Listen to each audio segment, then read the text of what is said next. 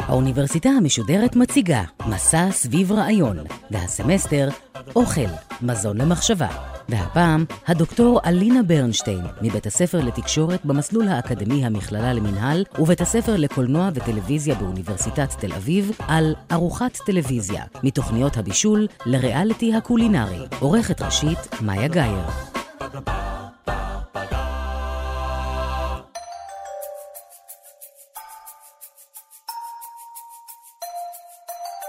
שלום, אני אלינה ברנשטיין, ואני חוקרת ומרצה לתקשורת בבית הספר לתקשורת במסלול האקדמיה מכללה למינהל, ובבית הספר לקולנוע וטלוויזיה על שם סטיב טיש באוניברסיטת תל אביב. בין מגוון הנושאים שאני חוקרת ומלמדת, אני עוסקת בז'אנר הריאליטי הטלוויזיוני ובייצוגים של אוכל בתרבות ובתקשורת. אוכל הוא חלק בלתי נפרד מתקשורת ההמונים בימינו. הוא מסוקר בעיתונות בהרחבה, הוא המוקד של אין ספור בלוגים, הוא נחגג בעמודי אינסטגרם עתירי תמונות של מנות מצולחתות, ומעל הכל הוא מככב בטלוויזיה. אוכל מהווה מרכיב מרכזי בתוכניות שונות, ודרכו אפשר ללמוד על היבטים רבים של החברה והתרבות שבהן הן הופקו. בשנים האחרונות מזוהה הכנת אוכל בפריים טיים הטלוויזיוני יותר מכל עם ז'אנר הריאליטי, שהשתלט על המסך במדינות רבות וגם בישראל, והביא איתו שלל פורמטים הסובבים סביב אוכל. בהרצאה היום אדבר על השינוי הרדיקלי שחל בתוכניות הבישול בטלוויזיה בכלל, ובפרט בשינוי שהתחולל בטלוויזיה הישראלית בעשור האחרון עם השתלטותו של ז'אנר הריאליטי. ננתח את התמורות בנרטיב ובטון למצב שבו הכנת אוכל מוצגת כמוצר פנאי וכשעשוע. נבחן את המשמעויות התרבותיות שאפשר לייחס לשינויים האלה על גבי הצירים של מגדר, מעמד ואתניות. ונבדוק מה חושפות תוכניות הריאליטי הקולינריות בפני הצופים, וגם מה הן מסתירות. לפני שניכנס למקומם של אוכל והכנתו בטלוויזיה, כדאי להבהיר כמה דברים כלליים. מזון, או אוכל בשפת היומיום, הוא חומר שנצרך על ידי בני אדם, בעלי חיים וצמחים, על מנת לספק אנרגיה וחומרים אחרים לגוף. כלומר, צריך להזכיר שבמקור אנחנו מדברים על צורך קיומי שתכליתו לאפשר את הפעילות הטבעית של האורגניזם. עם זאת, לאורך ההיסטוריה, השגת המזון, הכנתו והגשתו היו לתופעה חברתית מרכזית. בתרבות ההמונים של ימינו הפך המזון לתחום חברתי מועדף, מושא לייצוג אומנותי ותקשורתי, ציר מרכזי של דיון וביקורת. סביב אוכל מתקיימת תקשורת סימבולית בתחומים רחבים של הניסיון האנושי. זהות אישית וקולקטיבית, סדר יום אידיאולוגי ופסיכולוגי, הגדרת טעם, סגנון חיים ועוד. לא פחות מזה, אוכל משמש אמצעי ליצירת זהות ולייצוג של זיכרון עבור קבוצות המתבדלות ביניהן על רקע גזעי, אידיאולוגי, דתי, לאומי, מעמדי, מגדרי ודורי. הדיון על הקשר בין מזון לתרבות מוביל אותנו עד לימי האדם הקדמון. מבלי להיכנס לעומק ההיסטוריה הרחוקה הזו, אפשר לומר שכבר בימים קדומים, אופן הכנת המזון, הטקסיות של הגשתו, צורת אכילתו, היוו כולם הרבה מעבר למענה על צורך ביולוגי. כבר אז מדובר היה בניסיון להפוך את הדבר הטבעי לאירוע מתוכנן, מעוצב, מוקפד, ובמילים אחרות, תקשורתי. ומהיסטוריה כללית להיסטוריה טלוויזיונית. אוכל היה נוכח בטלוויזיה עוד מתחילת דרכה בשנות החמישים והשישים, והופיע בז'אנרים בדיוניים מגוונים, מקומדיות ועד דרמות, כדי לייצג ארוחות רומנטיות, לתאר זוגיות מאושרת, או נישואין שעלו על סרטון, וכן הלאה. ממש בהתחלה לא היה הרבה ייצוג כזה מסיבות פרקטיות, בעיקר עניין של עלויות וחוסר הנוחות בצורך לשים בכל פעם מחדש אוכל לפני השחקנים כאשר מצלמים סצנה יותר מפעם אחת. לכן, וזה נכון עד היום, לא פעם גם כאשר אוכל מופיע הוא רק סוג של אביזר, משהו שנמצא בפריים בזמן שאנשים עושים דברים אחרים, כמו לדבר על אהבה, בעיות משפחתיות או מזימות אפלות. זאת אומרת, האוכל נמצא שם, אבל לא ממש.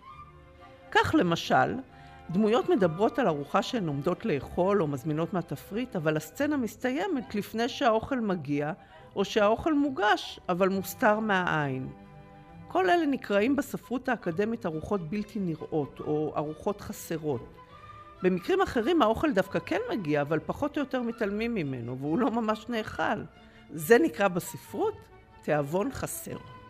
אם נתמקד בתוכניות שעוסקות בתהליך הכנת האוכל, כלומר, תוכניות בישול, גם הן חלק בלתי נפרד מהטלוויזיה העולמית מאז ראשיתה. הז'אנר הוותיק הזה התפתח מהרדיו לטלוויזיה באנגליה ובארצות הברית, ובמשך שנים הייתה לו צורה ברורה ויציבה למדי. הוא התרחש באולפן או מקום אחר הדומה למטבח ביתי. שף מוכר פנה באופן ישיר לצופה, כשלרוב הניחו שהצופה הוא בעצם צופה, ולנושא המגדרי עוד נחזור בהמשך. השף הדגים הכנה של תבשיל מסוים, מה שהיה אמור לעזור לצופה לטפל במשפחתה הגרעינית ולארח משפחה מורחבת וחברים. הז'אנר הזה התאים במיוחד לטלוויזיה, מכיוון שניתן לשלב בו בקלות פרסומות בטלוויזיה מסחרית, ומה שנקרא תוכן שיווקי גם בטלוויזיה ציבורית. יש לציין שזה בכלל לא פשוט ללמוד את ההיסטוריה של טלוויזיה מהסוג הזה. קודם כל מפני שבימיה הראשונים של הטלוויזיה עוד לא המציאו את אמצעי ההקלטה הקיימים כיום, ולכן רבים מהחומרים לא תועדו ונשמרו. אבל מעבר לזה, תוכניות בישול כאלה שייכות לשגרה הטלוויזיונית היומיומית, טלוויזיית הדייטיים, שהיא עד עצם היום הזה יחסית צנועה ומינימליסטית, כזו שמתוכננת לצריכה מיידית ואז נשכחת. משום כך, גם כאשר כבר היו האמצעים להקליט תוכניות כאלה, הן לרוב לא נשמרו. ובכל זאת, ניתן למצוא תוכניות ספורות שנשמרו. בהן אחת מתוכניות הבישול הראשונות בטלוויזיה האמריקאית ששודרה בשנות החמישים, ושמה It's Fun to Eat with Elena. When Elena cooks, it's When Elena cooks,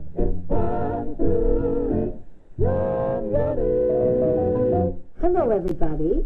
Welcome to my kitchen. I'm going to make pickled tuna fish for you today.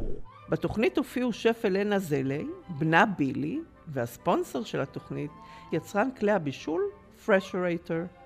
בצפייה אפשר להתרשם מהסגנון הוויזואלי המינימליסטי של התוכנית, מההתמקדות בהוראות הבישול, ומהחשיפה לספונסר שהיווה חלק חשוב מהתוכנית, ובכך ביטא את פניה המסחריים של הטלוויזיה האמריקאית.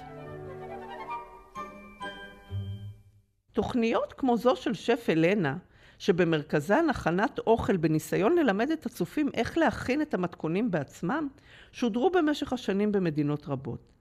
הן מעולם לא היו עתירות רייטינג, אבל מאז תחילת ימי הטלוויזיה, הן היו חלק קבוע מתוכניות הדייטיים. כמו שאפשר להבין, לרוב אלה היו תוכניות זולות להפקה, שאפשר היה למלא איתן בקלות בין חצי שעה לשעה, ומשום כך הן היוו, ואגב עדיין מהוות, השקעה טובה ומשתלמת מאוד לטלוויזיה מסחרית וגם לציבורית. בארצות הברית למשל, יש ערוץ כבלים שמוקדש כל כולו לתוכניות מהסוג הזה עד היום. בהקשר הישראלי הייתה זו רות סירקיס, שהיווה את תוכניות הבישול האמריקאיות והתאימה אותן לקהל המקומי. בשנות ה-60 סירקיס עברה לגור עם בעלה בארצות הברית, ואז, כמו שסיפרה בריאיון, נפתח לי העולם האמריקאי של שפע וכל מה שלא היה בישראל, כולל עיתוני וספרי בישול, והתחילו גם כמה תוכניות בישול בטלוויזיה האמריקאית. בעיקר היא סיפרה אהבה את תוכניתה של ג'וליה צ'יילד. צ'יילד הייתה שפית שהציגה לאמריקאים את המטבח הצרפתי וטכניקות בישול באמצעות ספרי הבישול ותוכניות הטלוויזיה שלה. היא זו שהייתה אחראית במידה רבה למהפכה בהערכת האוכל בארצות הברית בשנות ה-60. סירקיס עצמה לא כיכבה בתוכניות טלוויזיה בשנות ה-60 מן הטעם הפשוט שלא הייתה אז עדיין טלוויזיה בישראל. אבל בעזרת ספרי הבישול שלה, שגם הם כמובן סוג של אמצעי תקשורת, היא חוללה בארץ מהפך. ספרה מהמטבח באהבה שראה אור ב-1975 הבהיר שלתת לאורחים לאכול את מה שהמשפחה ממילא אוכלת זה פשוט לא מספיק טוב. אלה גם היו שנים שבהם תרבות השפע והגלובליזציה התחילו לתת את אותותיהן הראשונים בישראל. אנשים החלו לנסוע יותר, לחוות אוכל בחו"ל, מסעדות נפתחו גם בארץ, ונולד השף הסלבריטי הראשון, ישראל אהרוני. בתוך ההקשר הזה צמחו בישראל לראשונה תוכניות בישול בטלוויזיה מהסוג שהצגתי. תוכניות מז'אנר זה המשיכו להיות מופקות לאורך השנים וצברו אהדה הולכת וגוברת. ביניהן אפשר לציין את טעמים עם צחי בוקשסטר ושום, פלפל ושמן זית עם חיים כהן. שתיהן תוכניות מוכרות ואהובות שהופיעו לקראת סוף שנות התשעים. זה המקום, תרגיש בנוח, עכשיו אנחנו הולכים לבשל ביחד. נפלא. אתה רעב? רעב מאוד ואני מקווה שגם אתה. אני בטוח, ולא אכלת בבוקר, כי יש אורחים שלא סומכים עלינו, אוכלים פה איזה מסבכה. לא, לא, חיכיתי לזה הרבה זמן. יופי. מאיר אדוני, שף צעיר, שף מקסים ומבטיח, והיום אנחנו נבשל ביחד. בתוכניות האלה נכלל הרבה תוכן שיווקי, או כמו שהוא נקרא אז פרסום סמוי, מה שאפשר את הפקת התוכניות. תוכניות דומות לאלה היו תוכניות האפייה של קרין גורן, שעליהן כתבה ענת בלינד בעין השביעית בשנת 2016. גורן למעשה מחויבת להשתמש במוצרים מסוימים, לתת מתכונים מסוימים, וכמובן להלל ולפאר את הדברים האלה. היא לא יכולה לבוא ולהגיד שאולי כדאי למתן את צריכת השוקולד ושאולי אפשר להכין ארטיקים עם קצת פחות סוכר. התוכנית שלה היא חגיגה בלתי מבוקרת של סוכר, לא רק בגלל הדילים המסחריים, אבל גם בגללם. ההיבט הבעייתי הזה של תוכניות הבישול לא נעלם, אלא רק התגבר עם התפתחותן והמעבר שלהם לפריים טיים. יש לציין שגם בעידן הריאליטי, שאליו אגיע מיד, תוכניות בישול קלאסיות שמספקות מתכונים ומצולמות באולפן המדמם מטבח ביתי בהחלט לא נעלמו. הן מופיעות בשידורים חוזרים, בפינות שמככבות בתוכניות הבוקר, וישנן גם תוכניות חדשות עם מאפיינים דומים. עוד צריך לציין שבמקביל היו בישראל כמו בעולם גם תוכניות טלוויזיה ששילבו אוכל עם ז'אנרים שונים. למשל תוכניות מסע עם בישול, ביניהן התוכניות של ישראל אהרוני עם גברי לוי או גידי גוב, ואלה היו כבר תוכניות ששודרו בשעות הפריים טיים.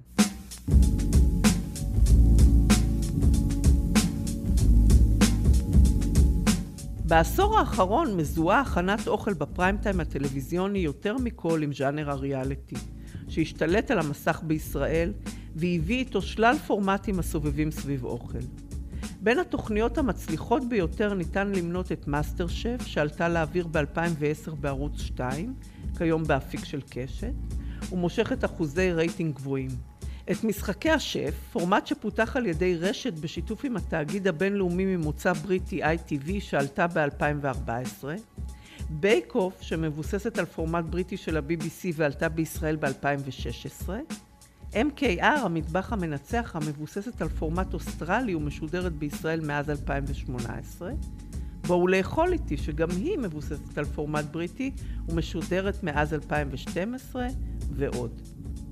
נדמה שהתיאבון לתוכניות כאלה גדול מאוד, כפי שכתב איתמר בז במאמר שלו בעין השביעית כבר ב-2016. חוצן שינחת בישראל ויפתח טלוויזיה יקבל את הרושם שיושבי הארץ לוקים באובססיה תזזיתית למזון. בישול, אפייה, חיתוך דק דק, זילוף נדיב, ולבסוף גם אכילה של התוצרת מול המצלמות לעיני הקהל המתמוגג שם בבית. ואכן, בעשור האחרון חל שינוי רדיקלי ממש בתוכניות הבישול בטלוויזיה הישראלית. שינוי שיש לו כמובן הקשר טלוויזיוני גלובלי. הסיבה לכך היא שהתהליך הזה מחובר בטבורו להשתלטות של ז'אנר הריאליטי על הטלוויזיה באופן כללי, וגם לשינוי הכללי יותר שחל ביחס של החברה המערבית לאוכל, הכנתו וצריכתו. השינוי שהתחולל מתבטא בעיקרו בנרטיב ובטון, במעבר מהצגת הכנת אוכל כעניין פרקטי לטובת הצגתה כשעשוע, ואת האוכל עצמו כמוצר פנאי. חשוב לציין שיש לשינויים שחלו בטלוויזיה גם הקשרים רחבים יותר. ריבוי גדל והולך של שווקי איכרים, סדנאות בישול, סיורי אוכל, חנויות אוכל מיוחדות וכמובן מסעדות. כל אלו מראים את המקום המרכזי שאוכל תופס בחברה המערבית. אבל גם אם נתמקד רק בהקשר התקשורתי, מעבר לטלוויזיה, קל לראות כי מעמדו של האוכל עלה. העיתונות משופעת טורי אוכל, ספרי הבישול עוברים תחייה מחודשת, כשבמקביל ישנם אין ספור אתרי אינטרנט, בלוגים ואפליקציות שעוסקים באוכל ובבישול ועוד ועוד.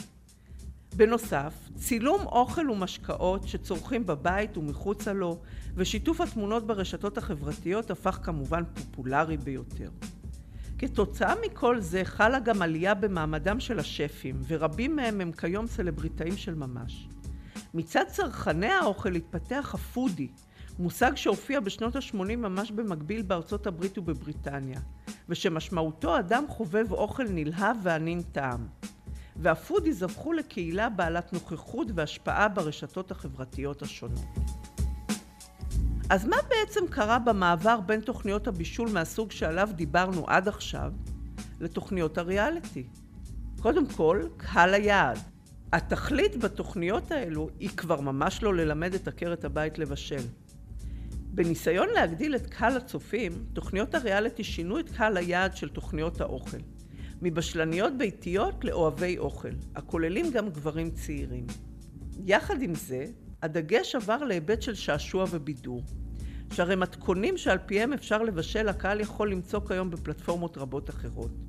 המעבר כרוך גם בצמיחתו של המונח פורנו אוכל, גסטרו-פורן, שהכוונה היא לכך שבחלק גדול מהתוכניות האלה הצופים עדים להכנת מאכלים שכנראה לא יכינו או אפילו יאכלו בעצמם. במילים אחרות, התוכניות האלה כבר לא מלמדות ישירות לבשל או לאפות, אלא מעניקות לצופים ידע גסטרונומי על מצרכים וטכניקות, ולא פחות מזה מלמדות היררכיה של טעם, שיפוט וביטוי ביקורתיים. לאור השינויים הללו, תוכניות הריאליטי הן בעלות איכויות הפקה הרבה יותר גבוהות מתוכניות הבישול מהדורות הקודמים. רובן מתרחשות באולפנים נוצצים והפכו לעניין מותח המבוסס על תחרות, משימות בלתי אפשריות, הכנות מואצות, טעויות יקרות וביקורות קטלניות.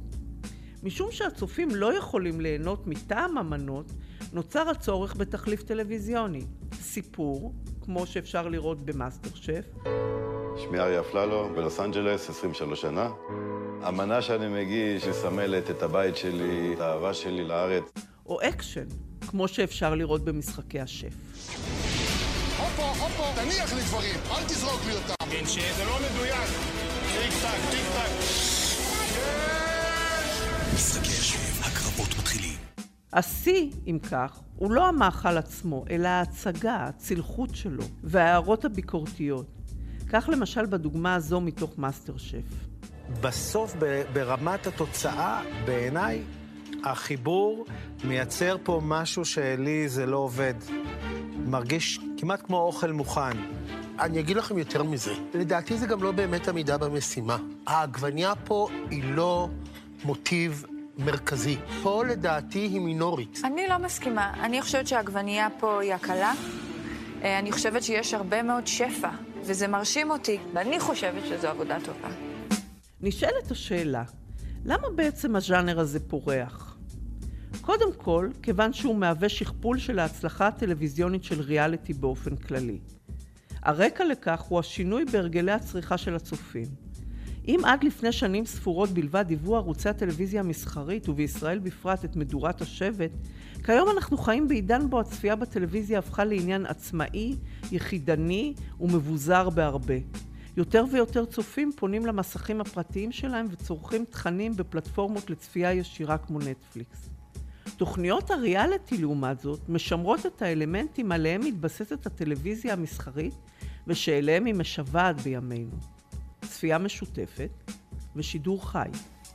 ריאליטי הוא ז'אנר של צפייה משותפת, של משפחה או חברים, ושיאן של התוכניות השונות, בהן גם אלו המתמקדות באוכל, הוא בגמר הארוך והחגיגי המשודר בשידור חי. ממש כמו אירוע חדשותי, קריטי לצפות בו בזמן אמיתי ולא בצפייה נדחית. אלמנט טלוויזיוני שגם הוא הולך ונכחד. מצד הערוצים, ובעיקר המסחריים, אם כן, ההסבר להפקת תוכניות ריאליטי אוכל הוא בעיקרו כלכלי. בתוכניות הללו, שנצפות בצפייה משותפת ובזמן אמת, אפשר עדיין לשדר פרסומות רבות וגם לכלול תוכן שיווקי ובכמויות. אני רוצה להזכיר כעת בקצרה כמה היבטים בולטים הבאים לידי ביטוי במסגרת תוכניות הריאליטי הקולינריות, המגדרי, המעמדי והלאומי. ראשית ההיבט המגדרי, שיש לו מגוון הקשרים בתוכניות האוכל ולא בכדי. ככלל, במשך הרבה מאוד שנים ובתרבויות רבות האחריות על הבישול הביתי הייתה של הנשים, וזה עדיין המצב במידה רבה גם בימינו. כאשר בבתים רבים הנשים מבשלות את הארוחות המשפחתיות השגרתיות נטולות הזוהר, בעוד הגברים התגייסו למשימה באירועים מיוחדים. אירועי על האש בולטים בהקשר הזה. זאת למרות שעם הכניסה הגוברת של נשים לשוק העבודה, גברים משתתפים יותר בעבודות הבית והקישור בין המינים לבין בישול משתנים. בעוד נשים אחראיות לרוב על הספירה הביתית, גברים, גם במציאות וגם בטלוויזיה, שולטים על הבישול בספירה המקצועית. לעובדה שרוב השפים הם גברים, משמעות תדמיתית וכלכלית כאחד. בניגוד לבישול הביתי, הם אחראים על בישול שיש בצידו מעמד, יוקרה ושכר גבוה. בהקשר זה קשה שלא לשים לב למיעוט השופטות בתוכניות ריאליטי האוכל. במאסטר שף למשל בולטת העובדה שהשופטים הם שפים מוכרים, בעוד האישה היחידה בצוות השופטים, מיכל אנסקי, היא מעין שופטת תאורטית, בזכות התואר השני שיש לה בגסטרונומיה.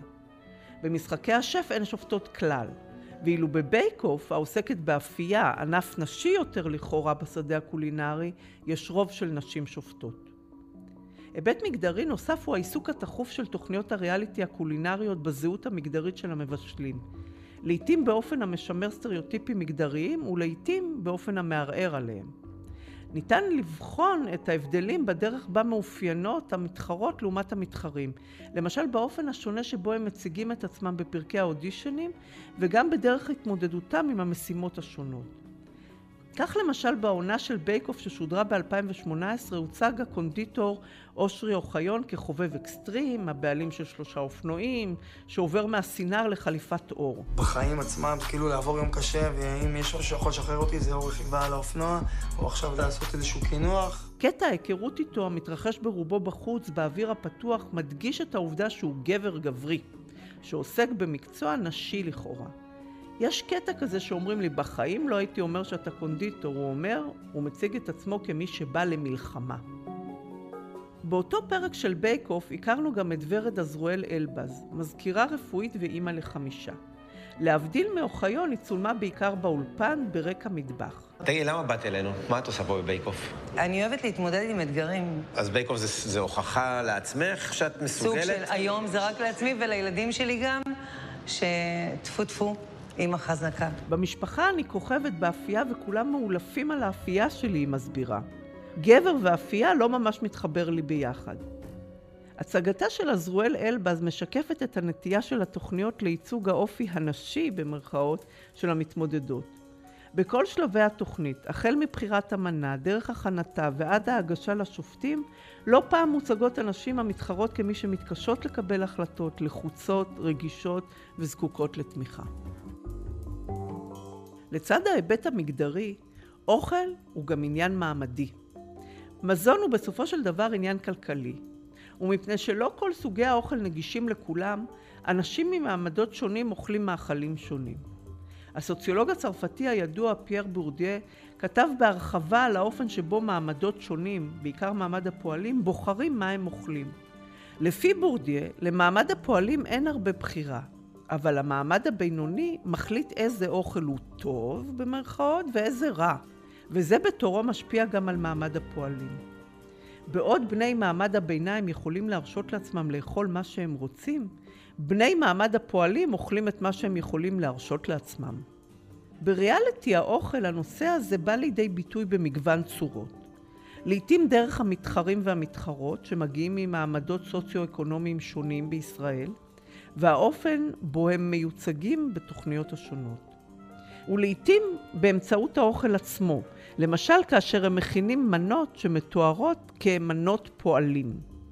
לפעמים אפילו מוקדשים ספיישלים למרכיבים עממיים, כמו פתיתים, לעומת מנות ששייכות לעולם ה fine dining ומקושרות למעמד גבוה. ולבסוף, ההיבט הלאומי, אוכל הפך מרכזי מאוד בהגדרת הזהות באירופה כבר מהמאה ה-17. ובמאה ה-19 היא עידן הלאומיות, בישול כבר הפך סמל של זהות לאומית.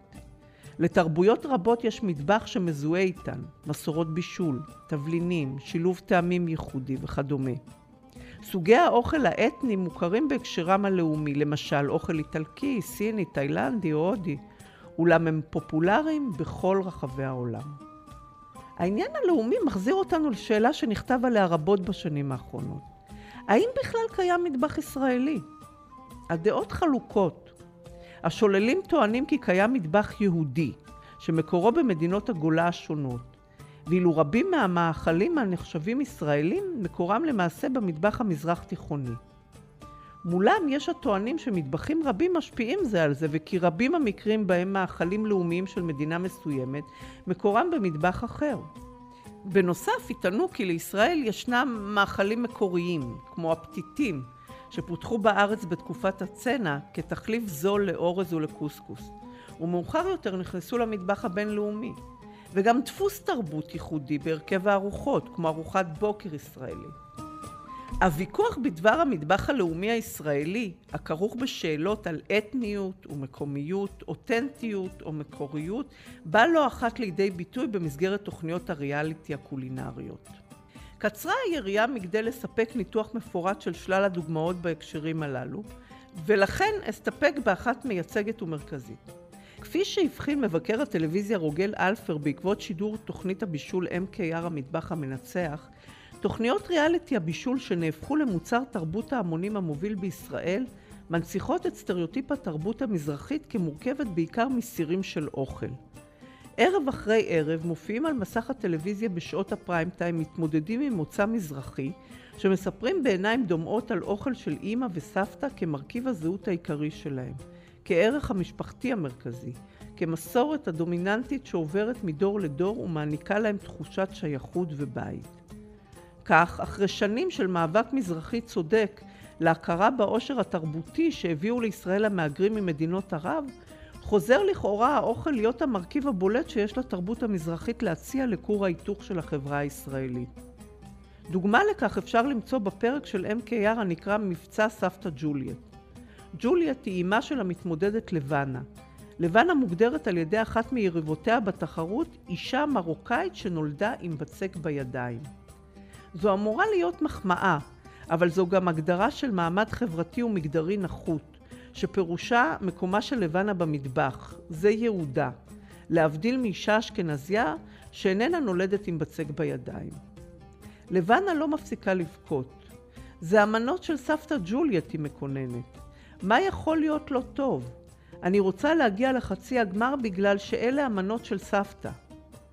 מרכזיות מסורת האוכל המשפחתית בזהותה של לבנה בולטת בהשוואה ליתר המשתתפים שפשוט מבשלים כדי לנצח.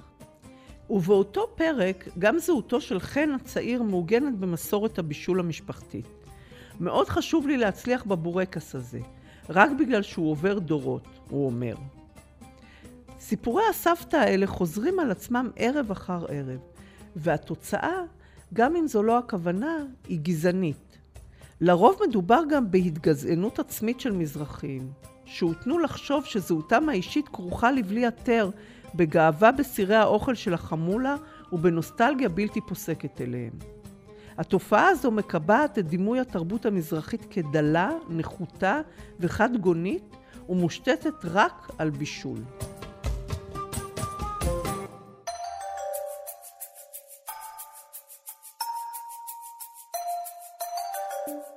לקראת סיום, אני רוצה להגיד כמה מילים על השפעת תוכניות הריאליטי הקולינריות על עיצוב תודעתם של הישראלים. יש מי שרואים בריאליטי סוג של פורנוגרפיה, כפי שכבר ציינתי. במהותה פורנוגרפיה היא מסחור האינטימיות.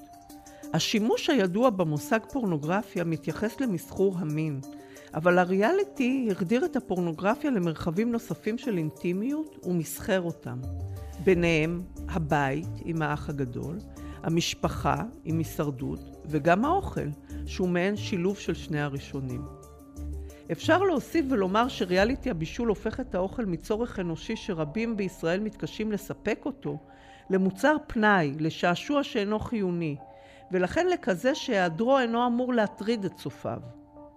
עוד יש לציין שתוכניות הבישול הפכו את המזון מצורך קיומי למותג מעמדי. אביזרי המטבח המקצועיים, מוצרי המזון המשובחים, המככבים בתוכניות הבישול, הופכים את כל מה שהוא פשוט מזון למיותר. במאמר מרתק של דני גוטווין מ-2016 הוא עומד על כך שיסוד מהותי לריאליטי הבישול הוא ההפרדה בין בישול לאוכל. בתוכניות אלה הצופה לא תואם את המאכלים ואמור להתרשם מחוות דעתם של השופטים, שתפקידם העיקרי בתוכנית הוא להפוך את האוכל מצורך למותג. באופן הזה הריאליטי מבטל את הערך הממשי של האוכל ולכן גם את הבעייתיות שבהיעדרו. הוא מאפשר לדמיין מציאות כוזבת הדוחקת את בעיית אי הביטחון התזונתי לשוליים. תוכניות הריאליטי הקולינריות הן תוצר מובהק של שליטת ההון בתקשורת, והשימוש שהוא עושה בה כדי להעמיק את שליטתו בחיינו. הן משתלטות על המסך ומשווקות באגרסיביות, לא רק משום שהן מייצרות רייטינג, אלא בעיקר משום שהן מעצבות תודעה.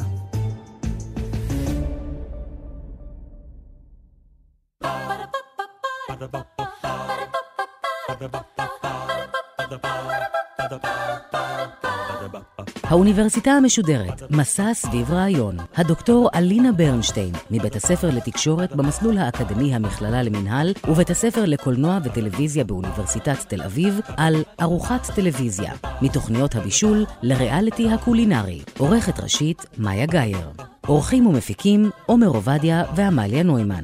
האוניברסיטה המשודרת, בכל זמן שתרצו, באתר וביישומון גלי צה"ל ובדף הפייסבוק של האוניברסיטה המשודרת.